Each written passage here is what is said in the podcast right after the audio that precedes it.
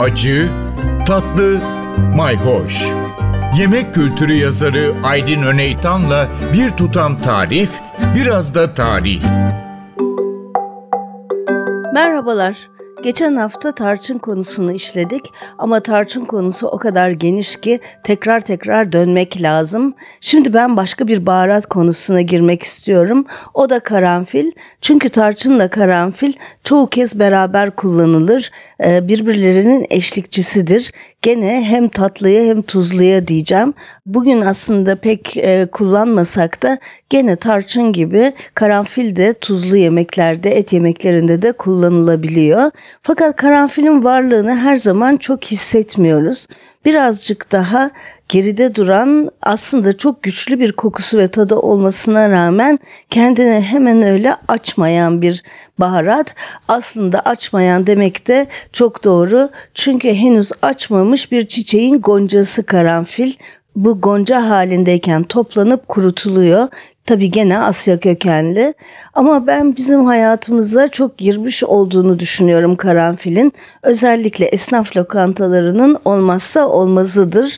Nasıl diyeceksiniz? Hep karanfilli yemekler mi yapılır? Hayır. Her zaman kasanın yanında geleneksel esnaf lokantalarında küçük bir tabakçık içinde karanfil olur. Yemekten sonra hem ağzınızın tadı için hem de nefesinizin karanfil gibi kokması için mutlaka bir iki tane karanfil alır ağzınızda çiğnersiniz. Hem de dişlere iyi gelir. Zaten karanfil kokusunu dişçilerden de hatırlamaz mıyız? Evet diş ağrısına da çare olmuş karanfil yağı.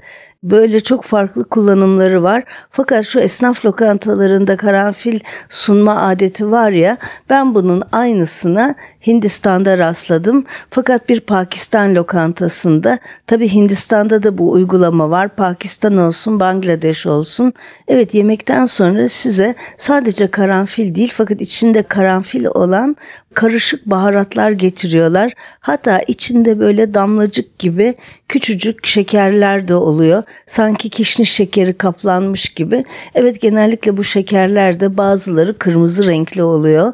Fakat bunlar da küçük baharatların etrafının şeker kaplamasıyla yapılmış konfeti gibi şekerler. Evet böyle bir baharat karışımını alıyorsunuz. Hatta bazen daha şık lokantalarda size getiriyorlar, kaşıkla ikram ediyorlar. Hani kahve yanına lokum ikram eder gibi böyle bir baharat karışımı var. Evet, bazen de böyle doğuya bakmak lazım. Bizdeki bazı uygulamalar uzak diyarlardan, Asya'dan gelmiş olabilir. Tıpkı baharatların gelmiş olduğu gibi. Bu hafta karanfilli güllere hazır olun. Takipte kalın, hoşça kalın. Bir tutam tarih, biraz da tarif. Aydın Öneytan'la Acı Tatlı Mayhoş Arşivi ntvradio.com.tr adresinde Spotify ve podcast platformlarında.